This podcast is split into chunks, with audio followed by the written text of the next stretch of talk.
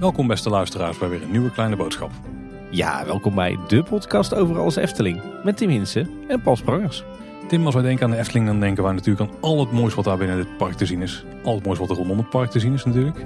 Was er dan nog iets wat we heel interessant vinden aan de Efteling? Ja, er zijn waarschijnlijk honderden dingen, maar je weet precies welke ik bedoel, denk ik. Ja, de geschiedenis van de Efteling natuurlijk. Juist, de geschiedenis van de Efteling. En wij zijn niet de enige, onze luisteraars die uh, kunnen er ook altijd heel erg van genieten. Afleveringen die we daarover maken, die doen het altijd heel erg goed bij de luisteraars.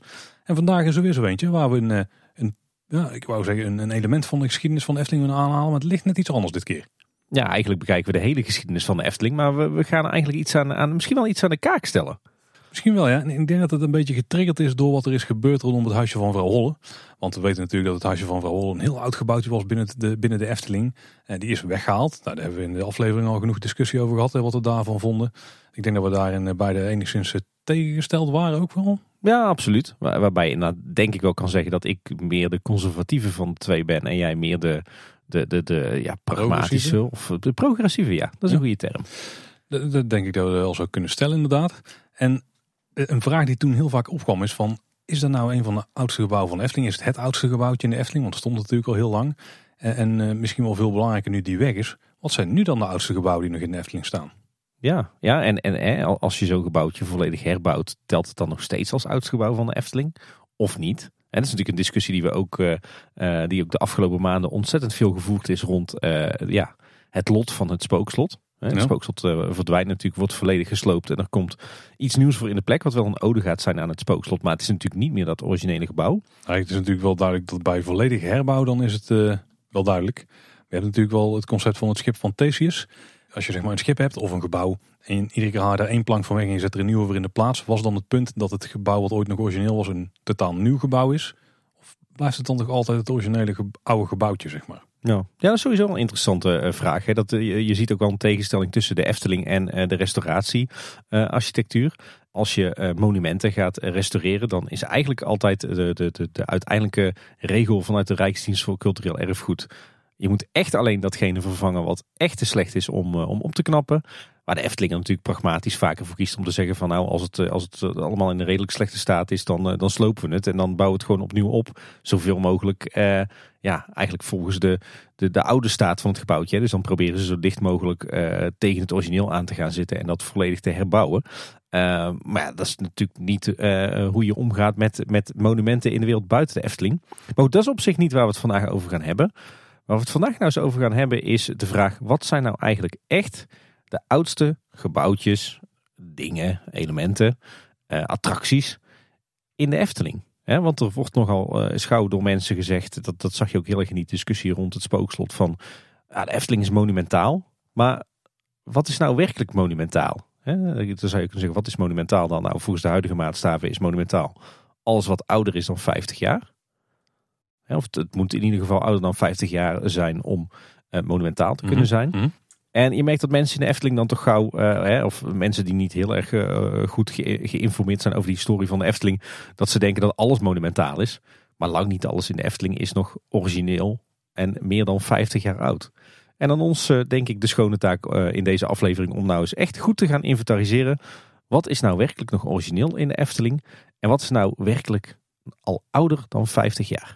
En we moeten misschien even nalopen, Tim. Wat zijn een beetje de criteria voor de gebouwen en de plekken die we en de zaken die we gaan meenemen in deze lijst? Want je haalde net al aan, soms wordt er iets weggehaald en volledig herbouwd. is met een aantal uh, objecten al gebeurd. Hè? Het kasteel van Doornroosje is een goed voorbeeld daarvan.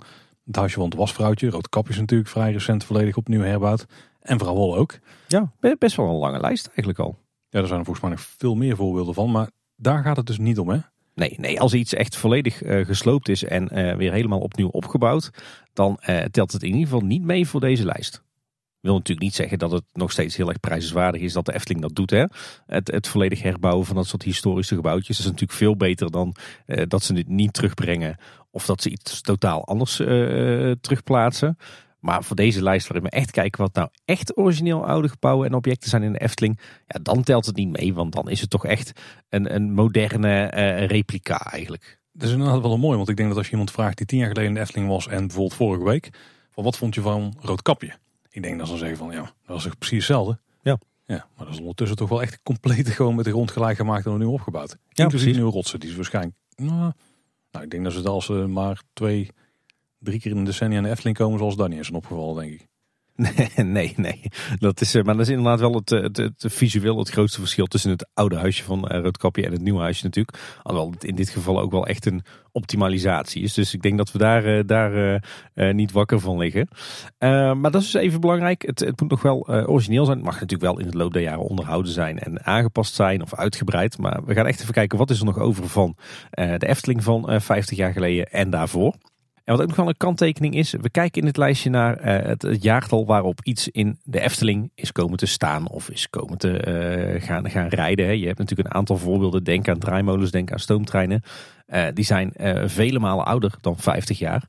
Ehm, alleen als ze pas 10 jaar in de Efteling staan, ja, dat nemen ze in eerste instantie niet mee in dit lijstje. We zullen later nog wel met wat eervolle vermeldingen komen waarin we dat, dat natuurlijk wel de revue laten passeren. Maar we kijken echt van, naar het moment waarop ze ja, eigenlijk aan de Efteling zijn toegevoegd. Dus Mario van Heumen telt ook niet mee hier. Nee, ik denk dat we personen sowieso niet eh, moeten laten meetellen. Overigens gaan we in deze aflevering ook niet de discussie voeren eh, of iets nou echt eh, officieel monumentaal moet zijn of niet. En in, in hoeverre de Efteling eh, een museum zou moeten zijn of niet. Die discussie hebben we natuurlijk al een paar keer gevoerd in de nieuwsafleveringen. Zeker rond eh, de toekomst van het spookslot. Maar eh, ja, we gaan ons dus echt focussen op de vraag wat is nou eigenlijk echt nog oud en origineel in de Efteling. Oké. En Misschien goed om te melden dat we wat ondersteuning hebben gehad hier voor deze aflevering. Ja, ja, we hebben natuurlijk in eerste instantie de research vooral zelf gedaan. Was, eh, moet ik zeggen, weer ontzettend leuk om, eh, om deze aflevering eh, voor te bereiden. Want je steekt er toch, zeker als geschiedenisliefhebber van Efteling, heel veel van op. Maar we hebben inderdaad, inderdaad een, wat ondersteuning gehad vanuit Efteling, vanuit het team Erfgoedbeheer. Nou ja, wie is er nou meer geschikt voor, om mee te denken met ons dan, dan dat team? En dan met name Ronald Donkers, de architectonische ontwerper. Die heeft met ons meegekeken naar het, het lijstje met ja, alle objecten en gebouwen in de Efteling die, eh, die al langer dan 50 jaar in het park staan. En eh, daar zijn ook nog wat interessante inzichten uit, eh, uit voortgekomen. Dus Ronald, bedankt. Nou, dan na deze klassieke lange kleine boodschap intro, tijd om daadwerkelijk naar de gebouwtjes te gaan kijken, Tim. Ja, Paul, voordat we dan echt naar het, het alleroudste element in de huidige Efteling gaan, ga ik eerst even vals spelen. Want jij, jij gaf het net al aan, Paul. Lange tijd is natuurlijk het gebouwtje wat we kennen als het, het huisje van vrouw Holle, is natuurlijk het oudste element in de Efteling geweest. Ehm, ik zeg wel huisje van vrouw Holle, eh, maar het gaat natuurlijk om het, eh, het gebouwtje wat al sinds 1945 in de Efteling staat. Eh, of stond, moet ik eigenlijk zeggen. Ooit begonnen als clubhuis van de scouting. Overigens na de Tweede Wereldoorlog ook even in gebruik geweest als noodwoning. En in 1952 in gebruik genomen als souvenirwinkel in het Sprookjesbos. In 1963 werd in dat huisje het Sprookjesmuseum geopend. Eh, recenter ook nog gebruikt als, eh, als maxifotolocatie. eh, waar je volgens mij kon verkleden als eh, sprookjesfiguur. En uiteindelijk in 2006 omgebouwd naar het, het huisje van vrouw Holle zelf. Maar ja, uiteindelijk geen lang leven beschoren. Want in eh, 2019 eh, werd het huisje gesloopt nadat het constructief instabiel was geworden door wat graafwerkzaamheden langs de gevel. En daarmee verdween dus eigenlijk ja, het, het alleroudste gebouwtje van de Efteling. Wordt eh, as we speak natuurlijk wel herbouwd. Ze zijn al een heel eind. Eh, komende winter wordt het, het geopend. Maar telt dus eigenlijk niet mee in deze lijst. Want het is een volledig herbouwd huisje. Tim, hij telt gewoon helemaal niet mee in deze lijst. Nee, nee, nee, dat is waar. Maar ik wil hem toch even genoemd hebben. Lange tijd tot, tot eigenlijk vlak voor de, het uitbreken van de coronacrisis. Dus het alleroudste gebouwtje in de Efteling. En ja, daarom is het denk ik goed dat het nu uiteindelijk gewoon herbouwd wordt. En inspiratie voor deze aflevering. Zeker, zeker. Ja, dan gaan we naar echt het alleroudste element. En we beginnen gewoon meteen eigenlijk op de moment suprême. Ja, precies. Wat is nou het oudste element wat nu nog in de Efteling staat? Ja, dan komen we eigenlijk op een heel klein detail. Iets wat eh, denk ik niet veel mensen weten. Eh, maar dan gaan we naar de Kombuis. Het horecapunt bij, eh, bij de Vliegende Hollander. Oh, Natuurlijk geopend in 2005. Maar er staat stiekem staan daar een aantal hele oude elementen op. ja, daar staat, daar staat van alles op. Allemaal gejut materiaal, hè? Precies, en tussen dat materiaal op het, eh, op het dak boven de voorgevel, daar eh, vind je ook een aantal hele mooie eh, armaturen of in normaal Nederlands lantaarns. En wat is nou leuk? Die lantaarns die komen van de originele ingang eh, Parklaan af. En die openen natuurlijk in 1949. En als je de originele foto's bijpakt van, van die entreepartij, dan zie je daar inderdaad de lantaarns die we dus sinds een aantal jaren op de kombuis zien prijken. En die komen dus uit 1949. En daarmee is dat, voor zover onze kennis rijk natuurlijk, uh, op dit moment het alleroudste element in de Efteling. Bijzonder toch? Ja, zeker. Maar dat zal niet het enige oude element zijn, want we hebben dus nog meer elementen die dus minstens 50 jaar al in de Efteling staan. En die gaan we nu doorlopen en we beginnen dus bij het oudste element. En dan gaan we steeds recenter kijken wat er nog staat. Ja, ja, waarbij ik wel moet zeggen dat we uh, de, alle oude elementen in het Sprookjesbos uh, geclusterd hebben op het, uh, op het einde van dit rijtje. Anders werd, het, werd het een rommeltje. maar ja, laten we inderdaad eerst maar eens verder gaan kijken in, in het park. En dan met name in het Marenrijk vooral natuurlijk. want een, een ander ontzettend oud element in de Efteling... waar ik me eigenlijk voor de research voor deze aflevering totaal niet van bewust was... is de kleine zweefmolen. De kleine zweefmolen, maar die is dus niet naderhand verplaatst naar de Efteling. Dat is echt een Efteling original. Uh, nee, dat is geen, geen Efteling original. Die is eigenlijk uh, nog veel ouder. Maar die is in 1950 door de Efteling uh, aangekocht. En in 1951 in de, de speeltuin gezet. Ah, zo, dus hij staat er al sinds de jaren 50. Oké. Ja, ja, ja, dus die is de kleine zweef, die we tegenwoordig op het Antropiekplein vinden. Die is dus al ouder dan het Sprookjesbos. Oh, wow, ja. Ja, hij is zelfs nog ouder als je, als je kijkt naar de geschiedenis voordat hij naar de Efteling kwam. Maar die staat dus al langer in de Efteling, op ongeveer dezelfde plek, dan dat we het Sprookjesbos in de Efteling vinden. Oh, dat had ik me ook niet beseft. Oké. Bijzonder hè? Zeker, ja. Nou, ik kom al meer op. Tim, nog meer van dit soort inzichten. Hebben we nog meer dingen die er al langer staan dan, uh, dan het Sprookjesbos? Ja, ja, dan blijven we een beetje in, de, in dezelfde hoek uh, van het park. Want uh, je hebt natuurlijk op en rond het Antropiekplein ook een aantal draaimolens. Denk aan uh, twee paardenmolens en de dierenmolen. Eén uh, zo'n paardenmolen en dierenmolen die vind je natuurlijk tegenwoordig in uh, speeltuin Kindervreugd. Mm En je vindt er ook nog een, eentje naast het Lavelaar op de voormalige plek van het kinderspoor. En die drie molens, die zijn ook ontzettend oud. Die stammen namelijk allemaal ook uit 1950. Ja, ja. Oké. Zijn wel verschillende malen verplaatst en, en ook wat, wat aangepast. En er zijn wat paardjes gewisseld nog. Er staan ook nog een aantal hele oude paarden. Uh, in de gang rond de stoomcarousel. Mm Zeg maar uh, bij, bij de toiletten en het diorama. Maar die molens die komen dus oorspronkelijk, of die staan eigenlijk al, al in de Efteling sinds ja, 1950, 1951. Oké. Okay. En volgens mij is het zo dat er nog meer speeltoestellen zijn die uit de jaren 50 komen, nog voor de opening van het Sprookjesbos. Dus ja. eigenlijk, eigenlijk uit de originele speeltuin dus. Ja, zeker. bijvoorbeeld de heksenmuts.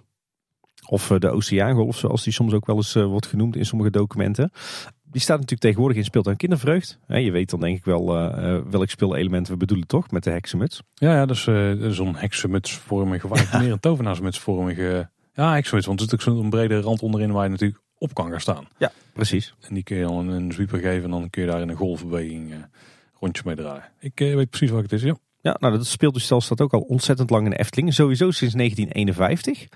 Maar als je er foto's bij pakt van het Rooms-Katholieke Sport- en Wandelpark uit 1935, dan komt daar ook zo'nzelfde heksenmuts voorbij. En de vraag is dus even, staat deze heksenmuts sinds 1951 in de Efteling? Of is hij misschien zelfs wel nog ouder? Oh, jij gaat zelfs die kant op. Ik wou zeggen, want ze hebben hem wel heel goed in de verf gehad dan altijd. Want anders was hij natuurlijk al uh, lang doorgeroet. Zal ik vast wel een stuk metaal vervangen zijn een keer. Ja, en aan de binnenkant zit er nog een hekwerk uh, wat ze er recent uh, in hebben geplaatst om beknellingen te voorkomen bij de, de, verplaatsing naar, naar kindervreugd. Maar dat is dus ook een ontzettend oud element. Oh, oké. Okay, ja. Nou, tot nu toe hebben we nog niet echt gebouwtjes langs horen komen, Tim. Ja, maar nou komt een hele belangrijke. het Witte Paard. Het uh, grote restaurant in het, uh, in het Maanrijk staat ook al uh, sinds 1951 in de Efteling. niet het, het Witte Paard zoals we dat nu kennen, maar natuurlijk het theehuis. -huh. Alleen het leuke is dat zeg maar het, het binnenste gedeelte van het, het Witte Paard, zeg maar het, het, gedeelte, het, het, het hoge gedeelte van het huidige Witte Paard, dat is nog steeds van oorsprong, van origine, het theehuis. Dus het, het casco, zeg maar de, de hoofdconstructie van dat gebouw, is nog steeds het, ja, de constructie van het originele theehuis uit 1951. En daar hebben ze later wel het, eh, het een en ander tegen aangebouwd. Uh, zo stamt het eh, toiletblok daar uit 1962. Dat is er ook wel aan af te zien. Ja, dan vooral het formaat. Want de, de Trespa, daar zal hem niet hebben gestaan in de jaren 60 denk ik. Maar. Nee, maar als je aan de buitenkant naar, naar de toiletten van het Witte Paard kijkt, dan, dan zie je dat wel. Later is ook nog de, de keuken natuurlijk uitgebreid. Er zijn aan beide kanten uh, van het restaurant zijn, zijn er ook nog aanbouwen gekomen. Die zijn allemaal van latere leeftijd. Die zijn niet ouder dan, dan 50 jaar. Maar dus het, uh, zeg maar het binnenste gedeelte van het Witte Paard en het toiletblok, die zijn allebei ouder dan 50 jaar.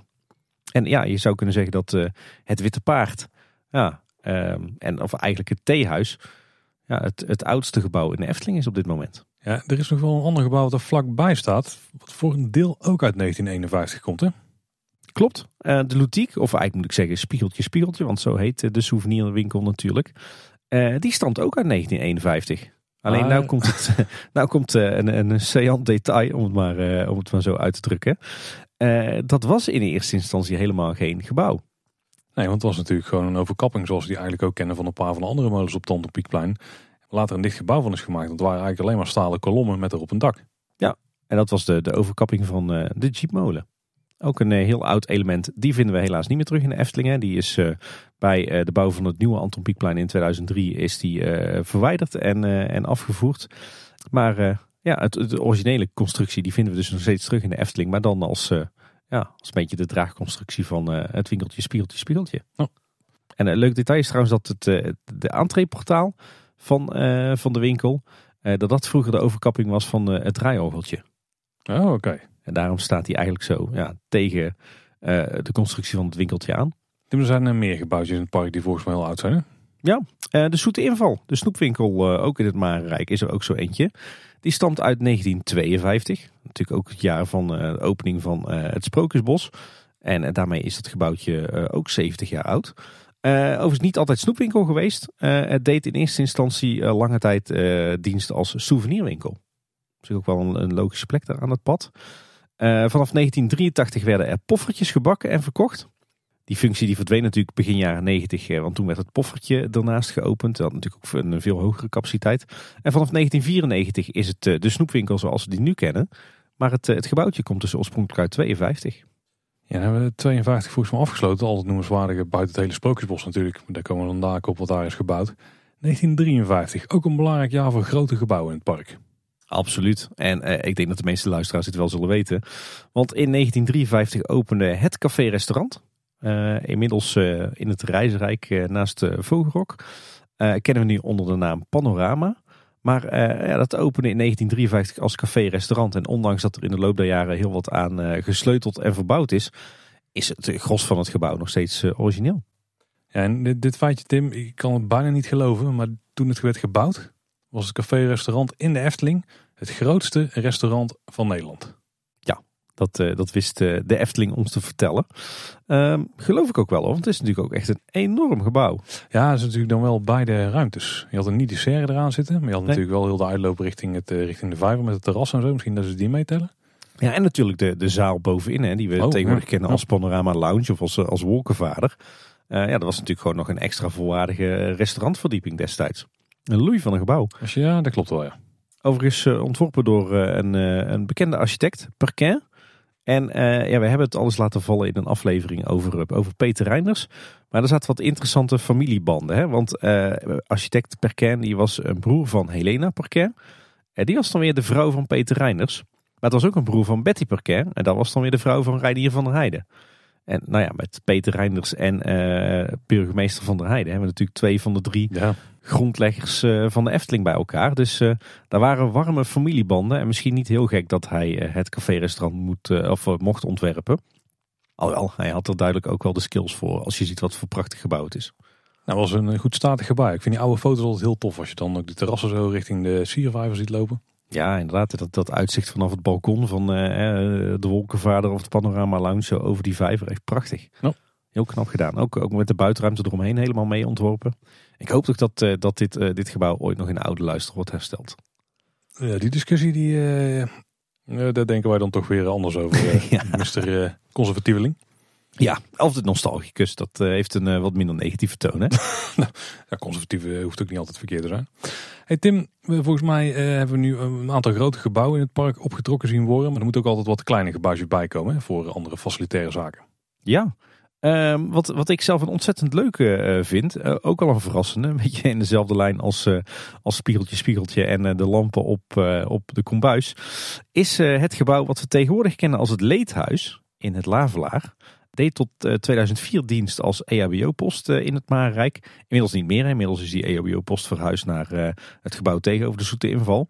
Ehm, maar dat gebouwtje stamt dus uit 1953. Terwijl je zou verwachten, het Lavelaar is in 1990 geopend. Dus alle gebouwtjes in het Lavelaar stammen ook uit 1990.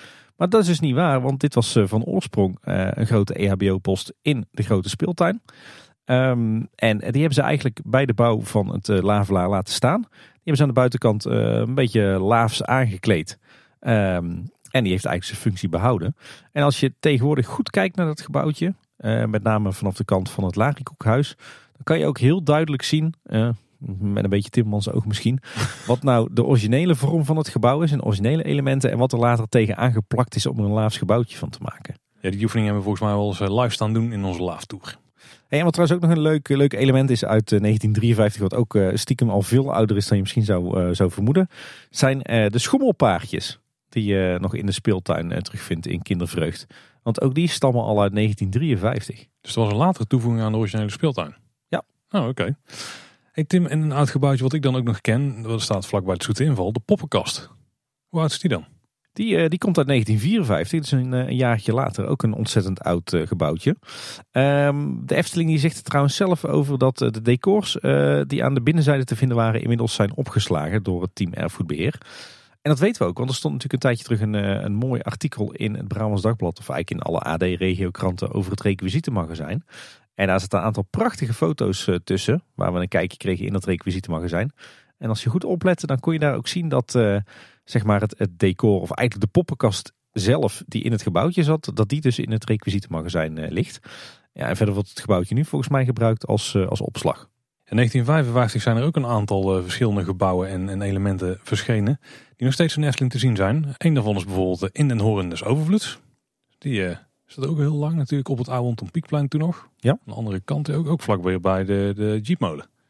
Klopt ja. En, en uh, ja, er stond eigenlijk vroeger midden in de speeltuin hè, als ja. horecapuntje. de eierleggende kip, ook eentje uit 1955. En de ganzenhoedster, die ook al. Uit 55. Ja, ja dan zijn dat uh, in, in die jaren, zeker begin jaren 50, zijn er heel wat elementen toegevoegd aan het, uh, het Antropiekplein. Of eigenlijk wat toen nog de grote speeltuin was. Die, die al die tijd gewoon op hunzelfde plek zijn blijven staan. Dus het, ja, we vinden stiekem heel veel echt oude elementen terug nog steeds op het oude Anton Pieckplein. En ook een element wat we dan zeker niet mogen vergeten is de Anton Pieckmolen, ook in 1955 verschenen. Ja, maar die was eigenlijk van origine al veel ouder. Die stamt namelijk uit uh, ja, omstreeks 1900. Zo, ja, daar moeten we daar maar eens naar kijken, ja. Tim, dan komt er volgens mij ook eentje, echt een van jouw classics, de stoomcarousel. We weten natuurlijk allemaal dat die ouder is dan, uh, dan het jaar waarin die is geplaatst. 1956 verschenen in de Efteling. Ja, ja, dat is ook wel een beetje vaag. Want uh, het grappige is dus dat de stoomcarousel uh, in eerste instantie was het natuurlijk alleen de stoomcarousel die daar stond. Niet het waterorgel en het diorama en het carouseltheater er, er rondomheen. Maar in de beginjaren werd die nog ieder jaar in de winter afgebroken. En pas weer voor de start van het, het zomerseizoen van de Efteling weer opgebouwd.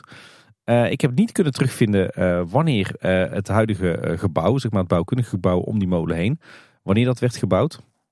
Verwacht uiterlijk begin jaren 70, maar ik denk dat het al wel iets ouder is. maar nee, we kunnen inderdaad zeggen dat, dat de stoomcarousel zelf ook al echt een oudje is. Hè. Die staat sinds 1956 in de Efteling. Oorspronkelijk is hij, wat je al zei, veel ouder.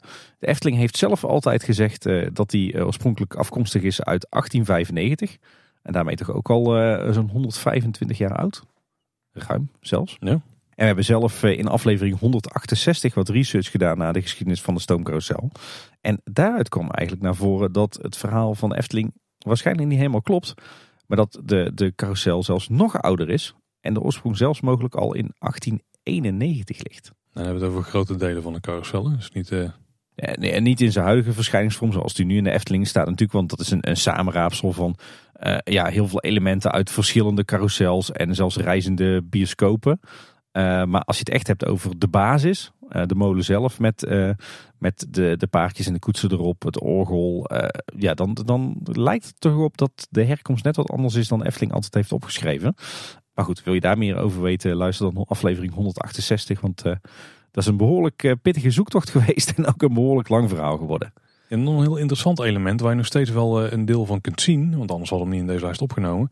Dat is de schuilloods die is opgetrokken achter de stoomcarousel. Uh, dat was toen de rolschaatsbaan volgens mij in 1957. Ja. Uiteindelijk is dat nu de plek waar we het diorama vinden. Dat was vroeger een, ja, die had een iets meer tijdelijke aard, maar daar hebben ze inmiddels zoveel omheen gebouwd dat het een, een vrij permanent gebouw is. Maar de houten spanten die kun je nog steeds zien zitten. En die hebben we ook in onze diorama aflevering aangehaald. Ja, die zijn wel verborgen achter decorelementen. Uh, maar als je uh, zeg maar op de kop van uh, het diorama staat en je kijkt door je ooghaartjes door de zaal heen, dan, dan zie je inderdaad nog de vorm van die, die originele gelamineerde houten spanten. maar dit is wel een heel interessant gebouw, want het werd dus ooit neergezet achter de stoomcarousel, vooral als, als plek om te schuilen en eventueel te rolschaatsen. maar van 1966 tot 1971 heeft daar het waterorgel in gezeten. Ja. Dat verhuisde uiteindelijk eh, in 1971 naar de Waterorgelfoyer. En toen werd in deze hal het diorama gebouwd. En aan de andere zijde eh, van eh, de stoomcarousel werd een jaar later in 1972 het Carouseltheater gebouwd. Ook al een heel oud gebouw dus in de Efteling. Maar ja, met name deze plek is wel heel erg interessant. Omdat hij dus veel ouder is dan de andere gebouwen die rondom de stoomcarousel staan. Ja, en uiteindelijk ook nog uitgebreid met die kasteelruïne entree in 1984. Maar die uh, is uh, minder oud dan 50 jaar, dus die telt niet mee. Hè? Oh, ik, we vergeten hem gauw weer. Dan een paar uh, kleine elementen die zijn toegevoegd in een aantal opvolgende jaren. Zwaankleef aan is in 1958 verschenen in het park. Speelt aan Gijs verschenen in 1959. En een gekroonde eend in 1960. Allemaal rondom de, de speeltuin toen nog. Ja, een ander leuk elementje, stamt uit 1961, is de sprekende plattegrond plattegrond zelf die is tegenwoordig terug te vinden in het eh, Efteling Museum. Die staat daar eh, in het eh, Rommeldepot en die werkt ook echt weer. Die hebben ze werkend gemaakt, de Efteling Gouwen. Dus die kan je nog, nog echt bedienen. En dan hoor je ook weer echt de stemmen die in vier verschillende talen vertellen wat er allemaal in de Efteling te doen is. Maar ook het gebouwtje waar voorheen de sprekende plattegrond in, in zat, die staat er nog steeds. die vind je zeg maar bij het, het suikerhuis en de EHBO-post. Dat is namelijk het huisje waar nu ook een plattegrond op te vinden is. Alleen daar zat in het verleden dus de sprekende plattegrond in. En dan misschien nog een eh, valspeel-element, Tim. Want eh, we kennen natuurlijk allemaal de olifant die vroeger bij het kinderbad stond. Hè? Die grote witte olifant waar dan water uit de slurf kwam. Die heeft natuurlijk heel lang in het park gestaan. Maar die staat nu in de tuin van Villa Padus. Maar als we hem op die manier meerekenen, hij staat hij in de wereld van Efteling. Precies. Komt uit 1961 ook. Ja, dus uh, past wel degelijk in onze lijst met de echt oude elementen in de wereld van Efteling. Ja, die olifant stond natuurlijk bij het zwembad. En toen er een zwembad in Efteling werd opgetrokken, was er ook behoefte aan, uh, volgens mij, een nieuwe EHBO-post. Die is toen ook uh, rond die tijd daar gebouwd. Hoe lang staat die er al dan? Ja, dat is inmiddels natuurlijk de EHBO-post van het Ruigrijk. Of althans, die is niet meer echt in gebruik als EHBO-post. Ik, denk, ik geloof dat het nu vooral een rust- en kolfruimte is. En mhm. dat die af en toe ook uh, tijdelijk in gebruik wordt genomen als EHBO-ruimte. Maar, maar, dan moet het echt de Efteling EHBO zijn of de beveiliging die die ruimte openmaakt. Maar dat gebouwtje stamt dus ook al uit 1962. Uh, werd wel pas later toegevoegd aan het zwembad. Hè. Het, zwembad opende in 1953 en deze EBO-post opende in 1962. Uh, maar dus ook absoluut een gebouw wat ouder is dan 50 jaar. Zie er ook wel aan af. Uh, heeft trouwens ook een eigen naam, wist je dat? Ja, dochter van Tuinpaviljoen is dat hè? Ja, en waarom heet het zo? Ja, dat was toen niet de dokter die toen EBO-dienst had in die tijd? Ja, dat was de, de dorpsdokter van Kaatsheuvel. En die deed de Efteling er dus ook bij. Maar betekent het ook dat dit het oudste gebouw is in die hoek van het park? Dat moet dan wel hè? Ja, dit is inderdaad uh, het oudste gebouw in het Ruigrijk, ja. Daar kun je er ook wel een zien, ja. Je zei, ja, het oudste gebouw, ja. Natuurlijk wel lantaarns op de kombuis, maar er is geen gebouw aan zich. Ja. Nee, klopt. Dadelijk komt er nog zo eh, eentje voorbij hoor, in dezelfde lijn. Ah, kijk.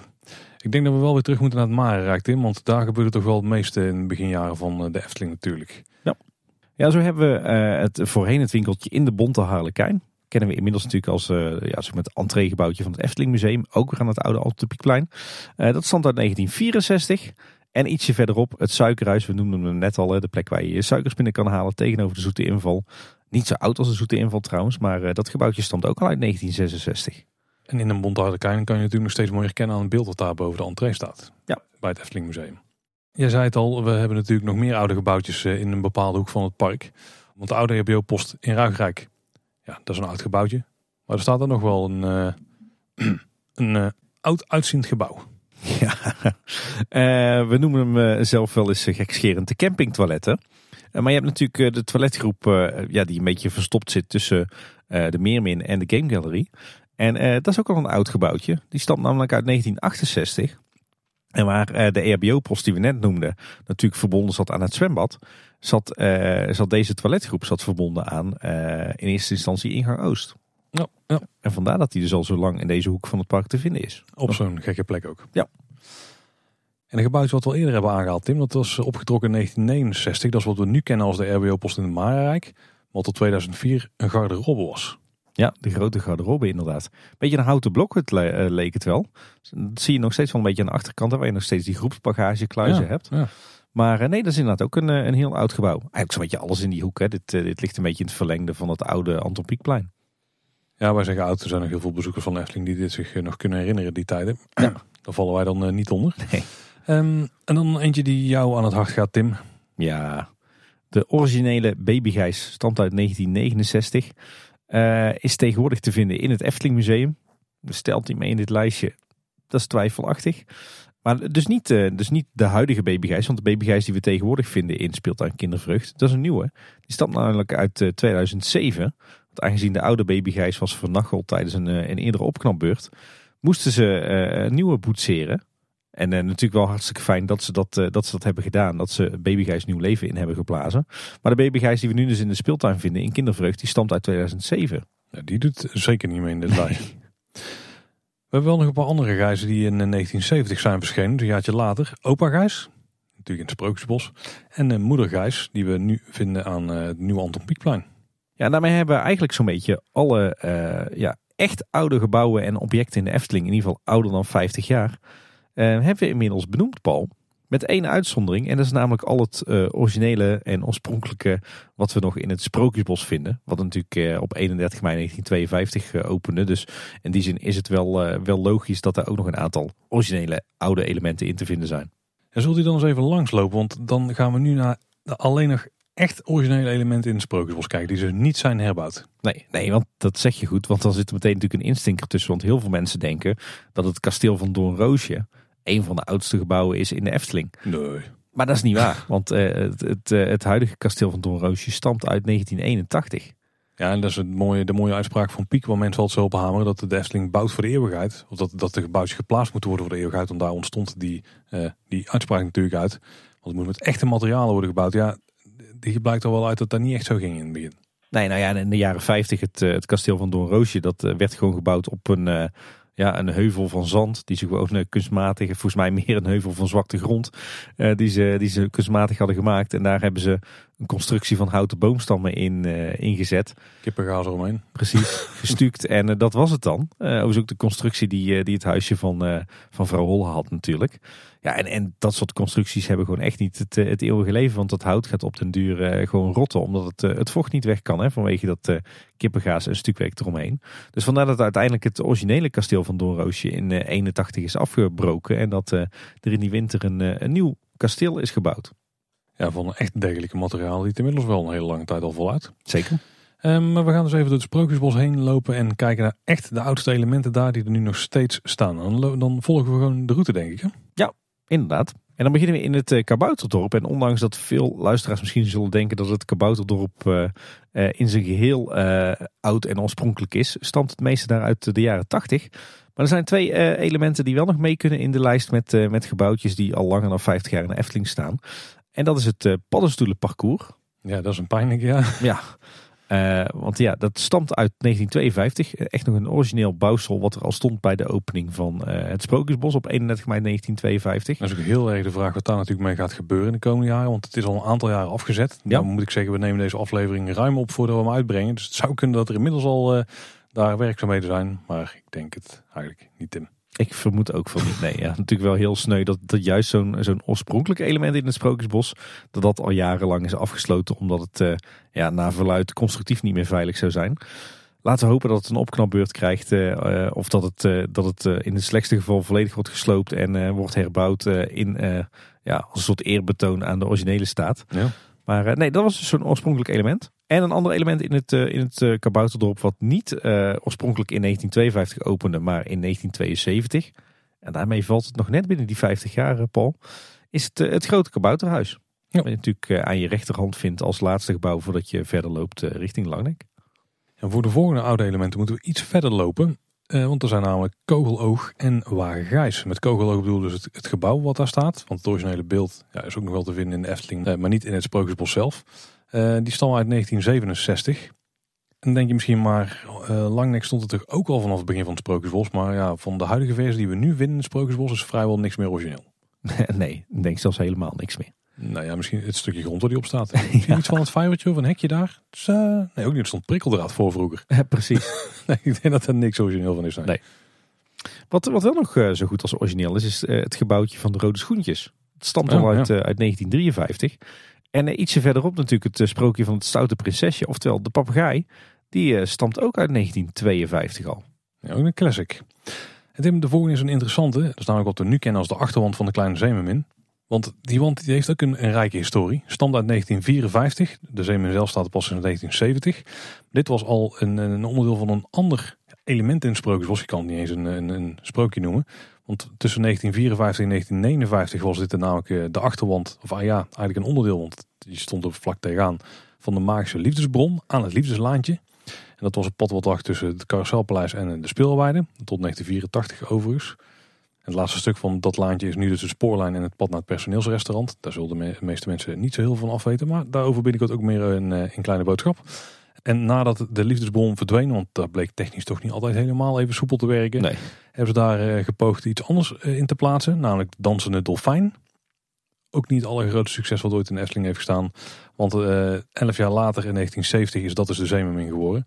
Maar een rijke historie is zo'n simpel achterwandje. Ja, ja, maar het wandje met, met Cupido erop op, in het midden, dat stamt dus al uit 1954. En die Cupido stond er natuurlijk al toen het de magische liefdesbron was voor mij trouwens wel een eye-opener, want we weten nu eindelijk waar oorspronkelijk het liefdeslaantje lag. Want dus een lange tijd is dat onduidelijk geweest waar dat nou was in de Efteling. Is een laantje dan niet een uh, heel erg uh, undercel van de laan? Want het was een flink ding. Als je helemaal tot uh, bijna het einde van de speelwijnen liep. Nee, maar daar ligt het dus niet. Het is zeg maar, het staat zeg maar haaks op de dubbele laan. Dus het is de, um, als je als het ware tussen Waterorgel en de speelweide loopt. Daar lag het. Oh, die hele achtergrond is verplaatst. Ja, klopt inderdaad. Die is naar het Sprookjesbos volgens Bij, uh, volgens mij uh, op het moment dat ze de dansende dolfijn van maakten. Ja, dat moet wel, want anders had het natuurlijk niet bij de Sprookjesbos kunnen liggen. Want het ligt gewoon midden in het Sprookjesbos. Ja. Dat is wel een goed punt. Dan hebben we nog zo'n voorbeeld van een achterwand die uh, eerst een andere functie had en nu gewoon is hergebruikt voor weer iets nieuws. Ja. En dat is de muur waar het draak lichtgeraakt op zit. Want dat was tot 1979 de Chinese nachtegaal. En dan de originele variant daarvan, waarbij je gewoon die achterwand had. Daarom heeft hij ook een beetje zo'n Oosterse uitstraling. Vooral die dakpalletjes en die draakjes aan het einde. En er stond gewoon een tak voor. Met daarop de nachtegaal. En er waren wat bloemen bij, die gingen open dicht. En die hebben het niet zo heel lang volgehouden. Niet tot 1979 in ieder geval. En daarna vervangen voor de draak. Maar nou, de Chinese nachtegaal jaren later weer hebben zien opduiken in het park. Ja, maar ook dat muurtje is dus eh, origineel uit 1952. Ja. Als we dan, eh, dan verder lopen, dan komen we eigenlijk een heel aantal uh, gebouwtjes tegen die al, al heel oud zijn. zoals bijvoorbeeld het huisje van Hans en Grietje. Mm Stamt uit 1955 en is echt nog origineel. Uh, natuurlijk uh, de kleine boodschappenkabouter hey. uit 1952. Wel ook weer een aantal gedaanteverwisselingen gehad, maar het muurtje waar die op zit en de vijver, dat is nog origineel. en natuurlijk ook de achtergelegen toiletgroep. Die stamt namelijk uit 1952 en is daarmee volgens mij ook de, de oudste toiletgroep in de Efteling. De die zijn tegengekomen tot nu toe is ja, de campingtoiletten. Ja, precies. Dus uh, laten we hopen dat de Efteling hier, uh, hier heel zuinig op is. het gemak is trouwens ook al vrij oud. Maar daar heeft in de, de jaren negentig nog zo'n uh, enorme verbouwing plaatsgevonden... dat we die maar niet mee zullen tellen in deze lijst. Ah, Kleine Boodschap was voorheen ook anders. Hè, want daar was het ook voor een groot deel open. Er zat geen dak op. op het, tenminste, er zat wel een dak op op een deel van het gebouw. Maar het portaaltje waar je binnenkomt was open. Ja. Ja, maar in, in feite het gebouwtje zelf is uh, natuurlijk wel echt uh, origineel uit 1952. De wanden zeker. En die toiletten die stralen ook nog wel uit hoor. Je moet er niet te lange knieën hebben daar trouwens als je gaat zitten. Overigens, uh, de, de put van vrouw Holle is ook al vrij oud. Want ook dat is een bouwsel dat staat al sinds 1952 in het park. Ja. En een stukje verder staat Ezeltje Strekje. Die is verschenen in 1956 in de Efteling. Maar niet op de plek waar die nu staat. Die vonden namelijk eerder op het Anton Pieckplein. Klopt inderdaad. En sinds de jaren 80 op het Hierhoutplein. Ja, dan komen we op het Routenplein en dat is natuurlijk een van de originele elementen in de Efteling. Heeft ook wel flink wat gedaanteverwisselingen gehad door de jaren heen. Best wel interessant trouwens om daar eens een keer wat oude foto's van te kijken. Want vroeger was het veel vlakker, zeg maar. Had je nog niet al die jaagjes en zo en al die bloemperken. En ook vooral veel los zand, hè? Ja, oh ja, ook. Ja. En heel veel laag groen eromheen. De bomen waren nog niet allemaal zo hoog in die tijd.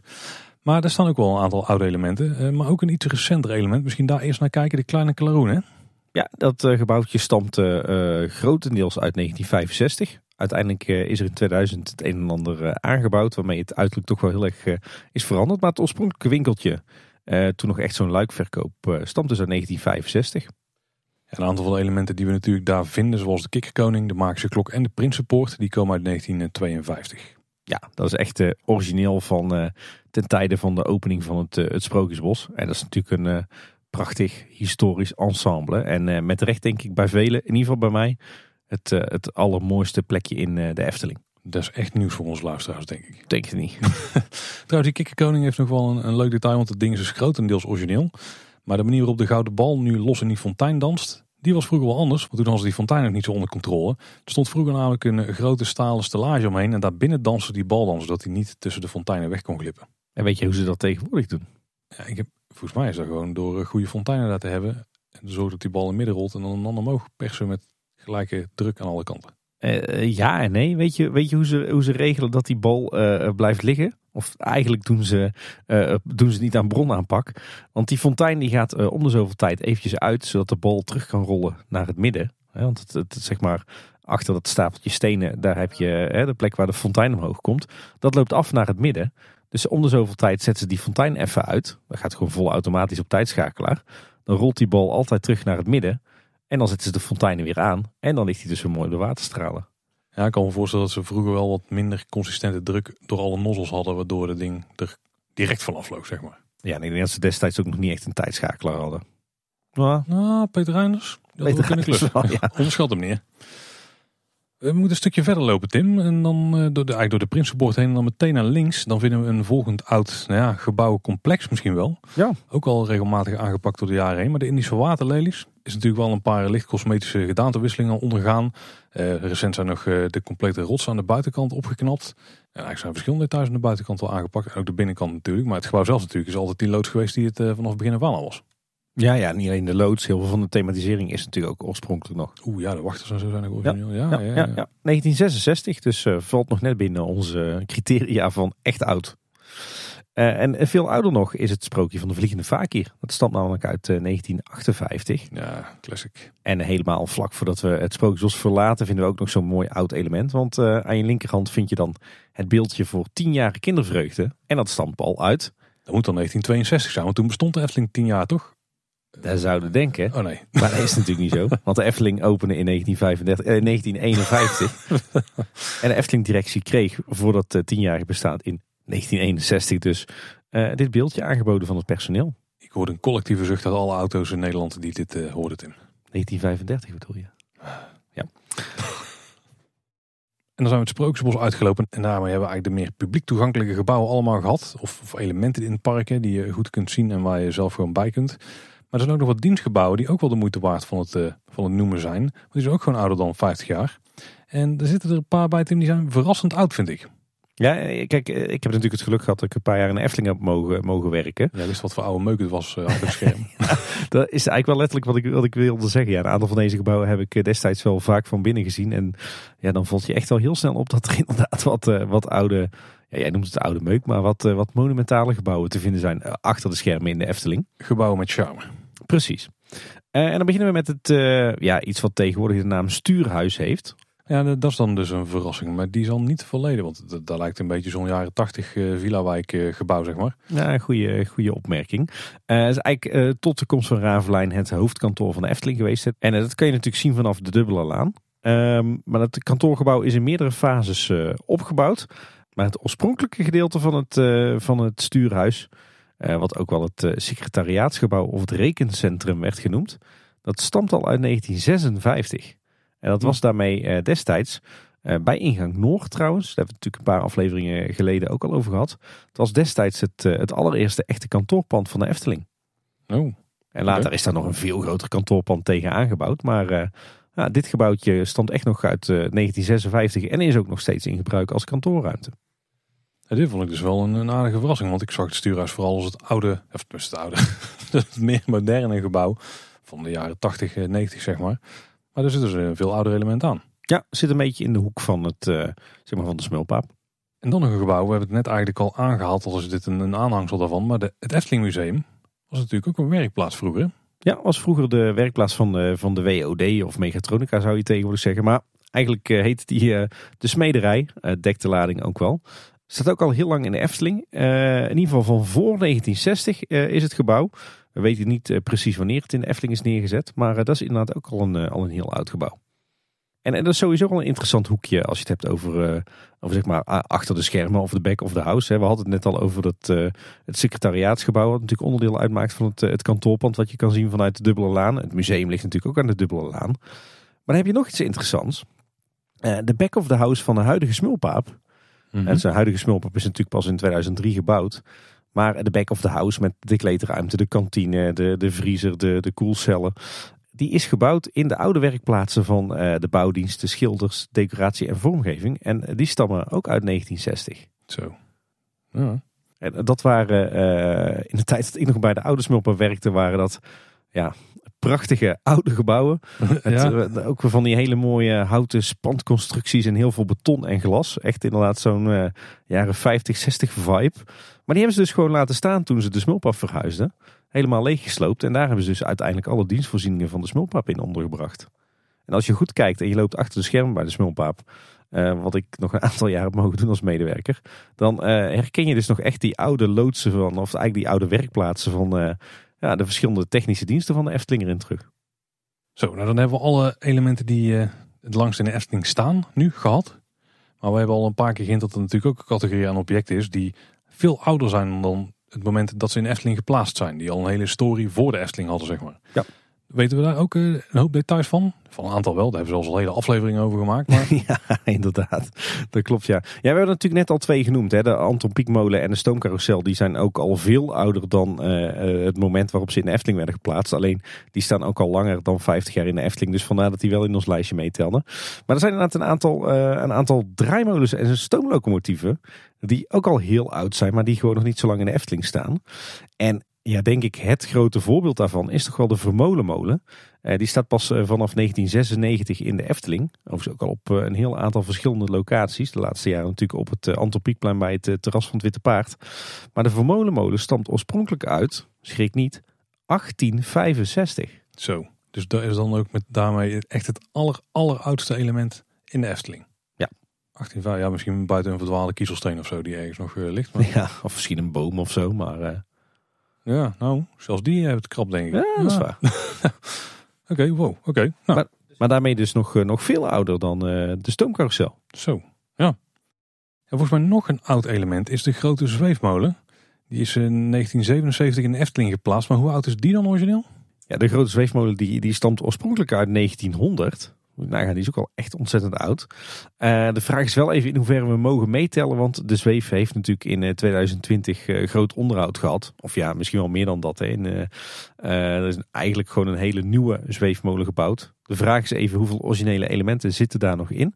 Maar in ieder geval, het, het, voorbeeld stamt uit 1900. Zo, nou een beetje. Ja. Ja, en dan een best wel verrassende. Uh, de Vlindermolen is in 1977 in de Efteling uh, geplaatst op het, in de grote speeltuin. Maar de molen zelf die, is al een heel stuk ouder. In ieder geval ouder dan 1940. Wanneer dat die precies is gebouwd weten we niet. Maar betekent in ieder geval wel dat die meer dan 50 jaar oud is. En nog steeds een favorietje bij ons. Absoluut. Ja, dan hebben we natuurlijk nog een, een ander setje oude elementen die rondrijden door het park. Of in sommige gevallen ook staan in het park uiteraard de stoomlocomotieven. Ja, en eh, we hebben er eigenlijk drie die uh, dusdanig oud zijn dat we hem in deze lijst, we ze in deze lijst kunnen meenemen. Treintje is natuurlijk van recentere datum en die is in de jaren 90 nog gebouwd. Maar de andere drie loks die zijn aanzienlijk ouder. Zo stamt Moortje uit 1908. Werd uiteindelijk in 1974 in dienst genomen bij de Efteling. Aagje stamt uit 1911. Werd in 1968 als eerste lok in dienst genomen bij de Efteling Miniatuur Stoomtreinmaatschappij. En neefje, die inmiddels natuurlijk eh, zijn dagen slijt op het eh, grasveld voor eh, station Marenrijk. Die stond uit 1914. En die heeft uiteindelijk in de Efteling rondgereden van 1981 tot 1991. En toen uh, scheed hij er mee uit, om het maar op zijn Brabants te zeggen. En dan werd hij uiteindelijk vervangen door treintje. Uh, maar ja, dus ook drie van de vier uh, originele stoomloks die ontzettend oud zijn. Het is wel bijzonder dan degene die het jongste is uit 1914. Ik bedoel, het is allemaal heel lang geleden ja. dat, dat hij er als eerste mee is opgehouden. Ja, klopt. Maar ik geloof dat het ook weer net een ander model was dan, uh, dan uh, Moortje en Aagje. Ja, dit don't make him like they used to. ja, was toen al een ding. Ja, precies. Ja, en zo, zo heb je waarschijnlijk nog wel meer eh, ehm, eh, oude elementen in de Efteling. Hè. Ja, je had het net gekscherend over een kiezelsteen. Uh, maar zo zullen er ook heel wat oude bomen in de Efteling staan nog die ouder dan 50 jaar zijn. We weten toevallig van een, eerder, een eerdere rondgang met Mario Dieltjes, natuurlijk een van de groenmensen van de Efteling, dat de alleroudste boom van de Efteling naast de spoorwegovergang bij de Fata Morgana staat. Aan je, aan je linkerhand als je richting de Fata Morgana uh, loopt. En ik vermoed ook dat er in het Efteling Museum ook nog, nog heel wat meer inventaris ligt die al ouder dan 50 jaar is. Maar ik denk dat we over het Efteling Museum gewoon een keer een aparte aflevering moeten maken. Dat sowieso. Ja Tim, dan zijn we er eigenlijk alweer doorheen. Dus een uh, vrij compacte kleine boodschap dit keer. Ja, ja eigenlijk gewoon in de basis gewoon een, een opsomming van uh, de gebouwen en de objecten en de attracties die ouder dan 50 jaar zijn. Zaten daar nou nog grote verrassingen tussen? Want jij hebt hier het grootste deel van de research gedaan samen met het team erfgoedbeheer van de Efteling. Ik had er namelijk wel een paar. Nou, dan ben ik benieuwd wat voor jou de verrassingen waren. Nou, ik, ik had dus eigenlijk niet echt door dat een deel van het stuurhuis al zo oud was. Nogmaals, ik zie het nog steeds als die ja, enorm uit de kluiten gewassen jaren 80 uh, villa, zeg maar. Uh, dat daar al een, element in zat, of een, een, eigenlijk gewoon een deel van het gebouw wat uit 1956 komt. Dus echt een paar jaar na de opening van het park. Daar sta ik toch wel van te kijken. En toch ook als we eigenlijk gaan kijken naar de allereerste die we noemden. De lantaarns die op de kombuis zitten. Ik wist het wel, maar nu het zo in een rijtje zien. En dat je dan beseft hoe zich dat verhoudt met andere elementen in het park. Dan is het eigenlijk best wel bijzonder dat ze die elementen uit 1949, die toen zijn geplaatst, een andere plek in het park terug hebben gegeven. Die dus gewoon nog steeds kunnen zien. En dat ze die al die tijd dus gewoon bewaard hebben. Ja, dat is sowieso. En dat ook niemand erbij stilstaat dat je die gewoon nog steeds kunt zien. Wat er dan zo bijzonder aan is. Want nu is het gewoon ja, bijna gedegradeerd tot een decorelementje. Maar er zit een heel verhaal achter. Ja, het grappige is, ik, ik heb natuurlijk meegewerkt aan de bouw van de Vliegende Hollander. En ook nog een klein beetje aan de kombuis. Die uh, ging een jaar eerder open ik weet dat wij het er toen destijds over gehad hebben. En dat het toen best, destijds ook best wel een dingetje was. Dat iedereen daar super trots op was. Maar ik was het in de loop der jaren weer vergeten. En ik kwam het eigenlijk pas weer tegen eh, bij de research voor deze aflevering. En ook een klein beetje eh, mee in de research voor onze aflevering over uh, entrees en parkeerterreinen. Maar ja, toch grappig hoe zoiets wegzakt en dan weer boven komt drijven. Het was voor mij ook wel weer een, een eye-opener. Ergens misschien wel jammer dat er nergens te vinden is of te lezen is dat die lantaarns al zo oud zijn.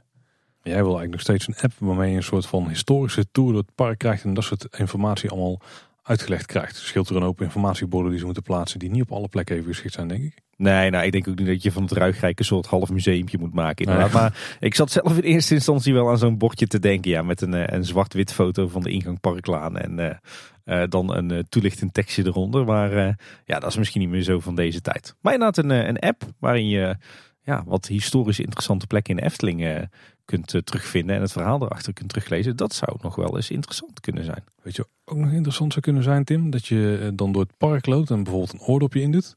En dat je dan mensen hebt, misschien twee of zo, die er dan aan je vertellen. Een soort uh, historische audiotour. Hey, dat is nou eens een idee. Dat zou iemand moeten maken. That's a, a hole in the market, zoals ze dan in het Engels zeggen. Ik zou niemand kennen die dat zou kunnen regelen. Nou, daar moeten we maar eens over nadenken dan, wie dat dan zou kunnen doen. Op studeren, ja. Mm. Schijnen in, in Kaatsheuvel wel twee handige jongens te zitten op het gebied van uh, podcast. Ja, René Merkelbach is in de maat. hey, had je nog meer uh, verrassende items zo, uh, Paul?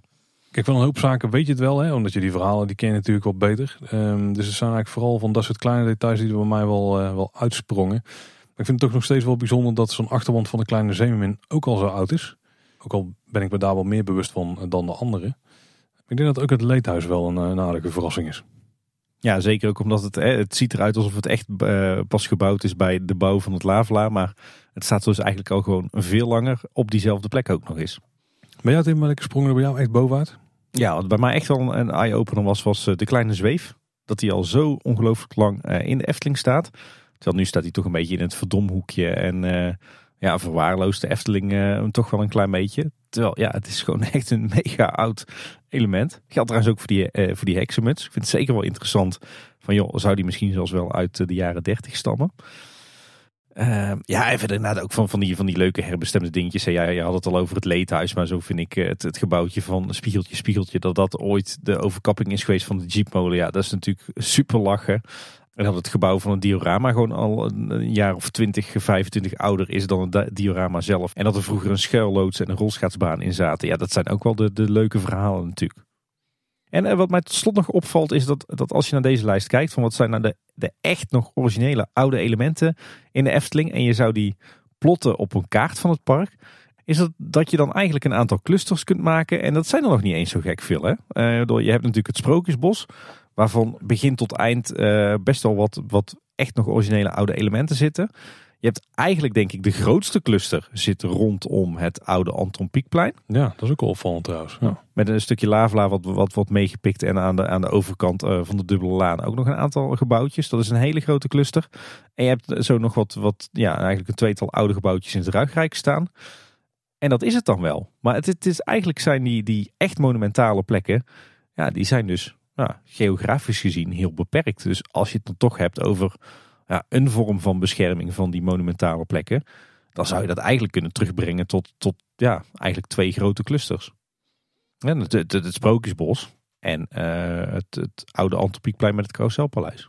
Nu zijn we wel half verbaasd over, tenminste ik net. Maar het valt eigenlijk wel mee als je erover nadenkt. Dat, dat is ook de plek waar het allemaal is begonnen. Je hebt de speeltuin. Logisch dat er oude elementen staan, als die ook een aantal hebben gehouden. En je hebt Sprookjesbos. Nou, dan weten we allemaal hoe het in elkaar steekt.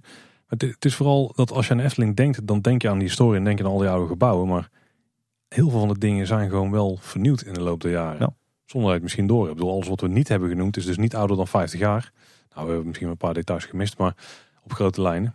Dus er is gewoon heel veel gewoon, nou ja, nieuw. Is 50 jaar geleden nieuw. Ook niet echt meer hè? Nee, nee maar dat is denk ik wel een goede, goede waarneming. Dat dus eigenlijk het, het, het aantal echt nog originele oude plekjes in de Efteling. Dat dat eigenlijk vrij beperkt is. En ja, misschien ook wel vooral beperkt tot, tot ja, het Sprookjesbos, eh, het Antropiekplein en het Carouselpaleis. Ja. Nou Tim, volgens mij hebben onze luisteraars weer van alles geleerd vandaag. Dat was wel de bedoeling hè. En ze hebben misschien weer een aantal gebouwen en elementen in het park waar ze net iets anders tegen aankijken dan voorheen. Ja, wat nu je dankzij deze aflevering weet wat nou echt nog die originele oude gebouwen uh, zijn, is het denk ik ook wel leuk om eens een keer een rondje door de Efteling te maken. En zeker natuurlijk rond het, het, het Antropiekplein en het Sprookjesbos. En echt eens je ogen de kost te geven en ja, eens goed kijken van wat zijn dan die echt oude elementen en wat, wat zie je daar nog van terug? Wat herken je daar nog van? Nou, dat is weer een andere manier om naar de Efteling te kijken. Hebben jullie nou nog vragen voor ons of hebben jullie zelf nog een gebouwtje waarvan je denkt van, maar is die dan niet heel oud? Nou, laat het ons zeker weten. Misschien zijn we er een vergeten dan kunnen we weer in de, de follow-up meenemen. En dan is de Efteling zelf trouwens ook vergeten. Ja, dat is dan ook mooi meegenomen. We hoeven niet alleen naar onszelf te kijken in dat geval. Maar die kun je eh, op verschillende manieren bij ons krijgen. Een van de methodes is natuurlijk via social media. Kijk op kleineboodschap.com slash volgen. Vind je alle plekken waar wij te volgen zijn en waar je ons berichten kunt sturen. Je kunt ook mailen. Dat kan naar info.kleineboodschap.com. En de geoefende internetgebruiker weet dan dat kleineboodschap.com ook onze website is. Daar vind je contactformuliertje. Vind je ook de show notes. Zullen een aantal links plaatsen naar de oude gebouwen die we hier hebben genoemd. En naar de oude elementen. Want de show notes zijn natuurlijk de links die we bij alle afleveringen plaatsen. Met relevante informatie bijhorende de aflevering. Ja, en waar luister je Kleine Boodschap nou? In, uh, nou ja, zo'n beetje alle podcast apps. Ook op Spotify. Nou, luister je ons nou daar. Uh, abonneer je dan zeker. En we vinden het ook altijd leuk als je een, eh, een rating of een review achterlaat. Bijvoorbeeld in Spotify of Apple Podcasts. En tot slot kun je natuurlijk ook Kleine Boodschap gewoon luisteren op onze website. En dat is, je zei het net al Paul, kleineboodschap.com. Als je nou misschien historici in je omgeving hebt, die, uh, waarvan je denkt van die zou het ook wel tof vinden om een keer echt naar de echt oude elementen in de Efteling te kijken. En niet alleen maar de elementen in het park die eruit uh, zien alsof ze heel oud zijn. Want daar is de Efteling natuurlijk ook heel goed in. Ja. Dan is het misschien ook wel een toffe aflevering om uh, te tippen. Zeker. Dat was in ieder geval weer voor deze week. Bedankt voor het luisteren. Tot de volgende keer. En houdoe. Houdoe waar.